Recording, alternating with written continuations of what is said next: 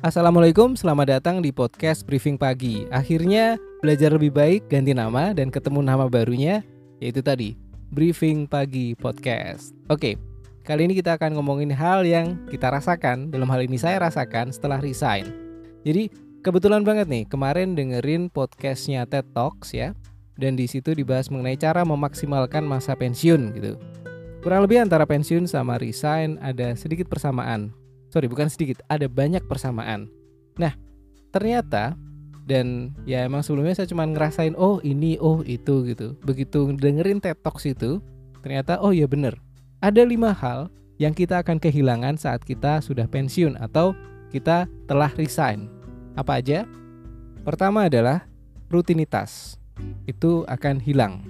Kemudian yang kedua adalah identitas. Jadi kalau dulu dipanggil Pak asisten manajer gitu atau Pak supervisor, sekarang nah siapa yang manggil? nggak ada identitas itu, udah nggak ada. Kartu nama buang semua. Terus yang ketiga, relasi. Jadi kalau dulu kita berangkat kerja, terus sampai kerjaan gitu ya, sampai kantor itu ada banyak relasi di situ. Dari mulai yang cuman temen mungkin smoking area gitu ya, yang masih ngerokok.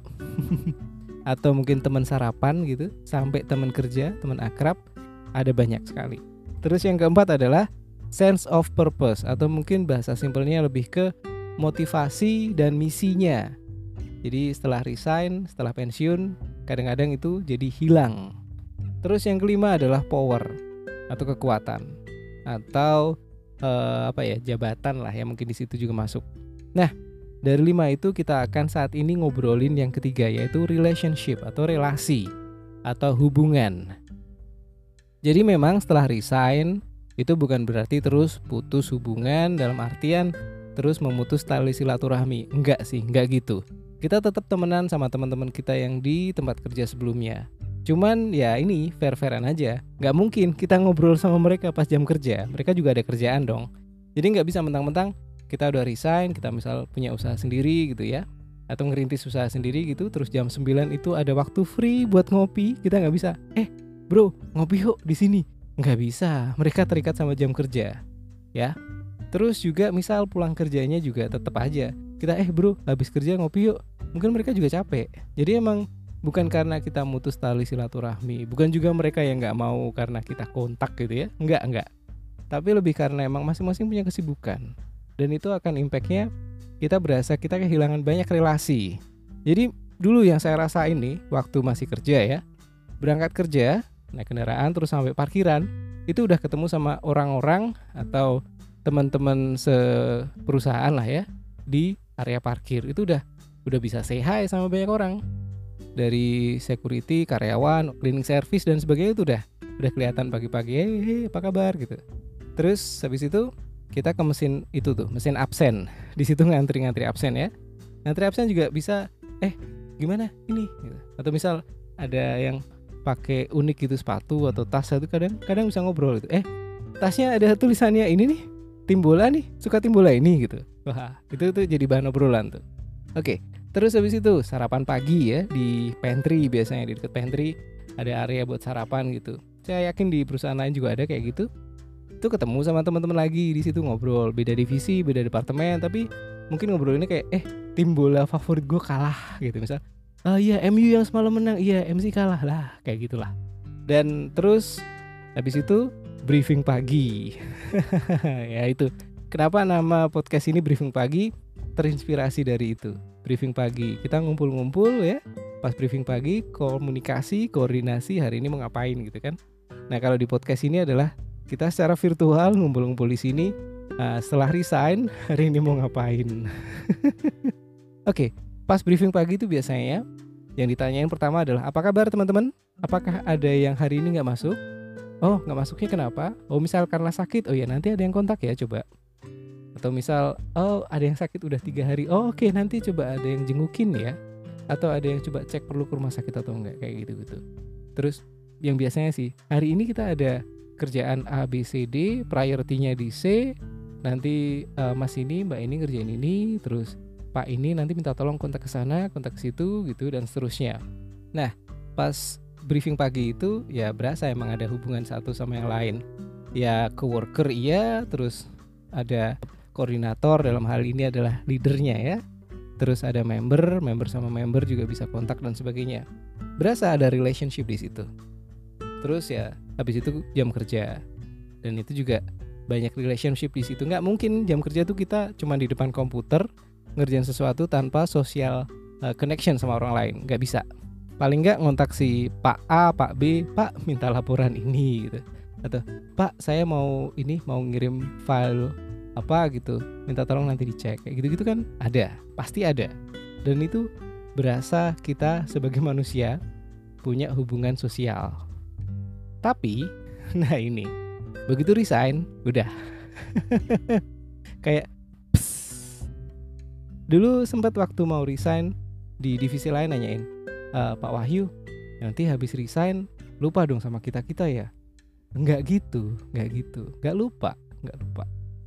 Cuman ya mungkin emang nggak sempat aja sih. Ya teman-teman juga nggak sempat karena banyak kesibukan. Aku juga mungkin agak susah kalau ngatur waktu misal mau lepasin pas mereka off gitu ya. Ya waktu itu aku omongin adalah aku bakalan kangen sama teman-teman di sini semua. Oke selain gajinya ya terutama adalah kangen sama teman-teman di sini semua. Tapi ya sorry to say aku nggak bakalan kangen sama kerjaan di sini. Jadi ya ya gitu. Dan ternyata bener. Memang pada saat setelah resign kehilangan relasi kehilangan feel uh, sosial itu berasa banget berasa banget. Kalau kita nggak ngebiasain kalau kita nggak cari caranya untuk nanganin bisa berasa kayak hampa kayak nggak punya temen gitu mungkin teman-teman yang introvert mungkin nggak terlalu berasa lah ya ada sih rasanya tetap nggak enak cuman nggak separah kalau untuk teman-teman yang ekstrovert yang ya istilahnya butuh banyak hubungan sosial. Oke, ini hal yang mungkin nggak kebayang kalau teman-teman mau resign, tapi ya dibayangin aja sekarang. Kalau misal mau resign harus siap dengan kondisi seperti itu dan sorry teman-teman yang mau pensiun yang udah masuk masa pensiun juga harus bersiap menghadapi hal seperti itu. Nah, gimana solusinya? Saya nggak punya solusi untuk semua orang, tapi apa yang saya coba ini relatif berhasil untuk saya sendiri. Mau saya sharing dan semoga teman-teman bisa ambil apa ya istilahnya ya. Kalau misal cocok coba aja. Kalau misal enggak ya mohon maaf, tapi paling enggak ada sedikit contohan. Jadi gini, yang pertama saya maksimalin hubungan dengan tempat saya sekarang. Jadi sekarang mostly saya di rumah. Jadi ya wes saya maksimalin komunikasi dengan orang-orang rumah Ya kalau misal dulu cuma ketemu berapa jam, maka sekarang hampir semua jam saya di rumah. Ya wis, lebih akrab sama orang rumah dan orang-orang sekitar rumah. Jadi artinya misal tetangga. Terus misal di situ ada tukang sayur yang suka lewat, suka uh, kita belanja atau apa gitu. Yang bukan terus diberhentiin terus diajak ngobrol sampai setengah jam. Enggak sih, enggak gitu sih. Cuman ya paling enggak say hi, say hi-nya itu berubah misal dulu sama teman-teman di satu perusahaan gitu ya di parkiran ketemu hai gitu kalau sekarang ya udah pagi-pagi mungkin sama tetangga atau uh, tukang sayur tukang apa gitu misal lewat pagi pak gitu itu udah agak sangat ngebantu untuk kita ngerasa punya hubungan sosial. Walaupun uh, dikit-dikit ya walaupun dikit-dikit tapi itu akan ngebantu. Terus juga terutama ya tadi sama orang rumah lebih akrab dan ya maksimalin aja maksimalin aja. Oke terus yang kedua adalah uh, sesekali ngontak sama teman-teman lama. Tapi ini kita mesti atur ya maksudnya nggak terlalu uh, sampai jadi bebanin mereka karena mereka juga kan punya kehidupan sendiri terus juga waktunya juga terbatas. Jadi ya sesekali aja seperlunya. Sambil ngobrol-ngobrol catching up gitu. Eh gimana? Si ini sehat-sehat gitu. Terus pak ini kemarin denger dengar habis promosi ya? Wah bagus bagus. Asik asik gitu. Ya apa ya sambil sedikit mengenang masa lalu. Sedikit nostalgia nostalgia tapi uh, di bawah happy gitu ya di bawah asik. Dan itu itu yang amazing adalah kadang-kadang kita akan dapat ide baru di situ jadi uh, jangan terus udah resign terus putus hubungan sama teman-teman lama enggak sebisa mungkin tetap ya sesekali ketemu sama mereka Terus yang ketiga, kalau yang saya lakukan adalah dengerin suara orang. ini gimana nih? Jadi teman-teman misal perjalanan jauh nyetir gitu ya, misal dari Jakarta ke Kerawang atau mungkin ke Bandung gitu. Kalau dengerin musik aja bosen ya nggak?